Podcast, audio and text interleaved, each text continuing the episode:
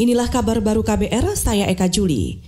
Saudara Sekretaris NCB Interpol Indonesia Nugroho S. Wibowo diduga melanggar kode etik atas terhapusnya status red notice atas buronan bagi kasus dugaan korupsi pengalihan hak tagih Bank Bali Joko Chandra. Juru bicara Mabes Polri Argo Yuwono mengatakan Nugroho saat ini tengah menjalani pemeriksaan di Divisi Propam berkaitan dengan surat red notice ya ya memang ya dari Propam sudah memeriksa daripada Pak NS ya dan memang belum selesai juga tetapi daripada pemeriksaannya bahaya bersangkutan diduga melanggar kode etik. Makanya ini uh, Propam masih memeriksa nanti saksi-saksi yang lain yang mengetahui ya yang memahami yang melihat atau yang mendengar. Nanti kita akan uh, lakukan pemberkasan untuk kode etik ya. Itu tadi juru bicara Mabes Polri Argo Yuwono.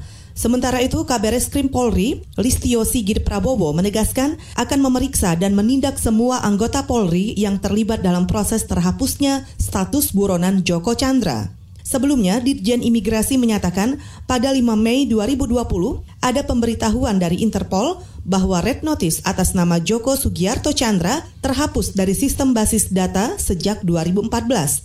Terhapusnya red notice ini sempat dipertanyakan oleh Kejaksaan Agung.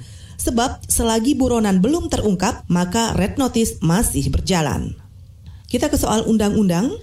Komite Pemantauan Pelaksanaan Otonomi Daerah atau KPPOD menilai rancangan Undang-Undang Omnibus Cipta Kerja Klaster Perizinan sangat mengebiri kewenangan daerah – Menurut peneliti KPPOD Arman Suparman, peraturan dalam rancangan undang-undang itu sangat buruk bagi otonomi daerah sebab mayoritas kewenangan akan dilimpahkan ke pusat. Otonomi kita ini merupakan ini sebuah mimpi yang sangat buruk untuk otonomi daerah.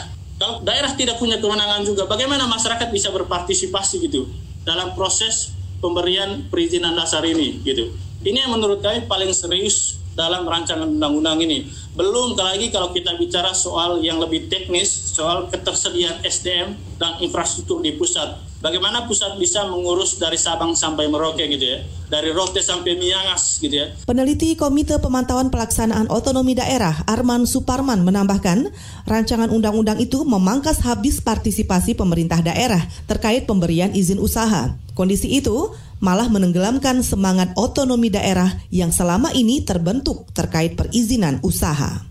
Kita ke Liga Inggris. Leicester City meraih poin penuh saat menjamu Sheffield United di laga pekan ke-36 Liga Inggris.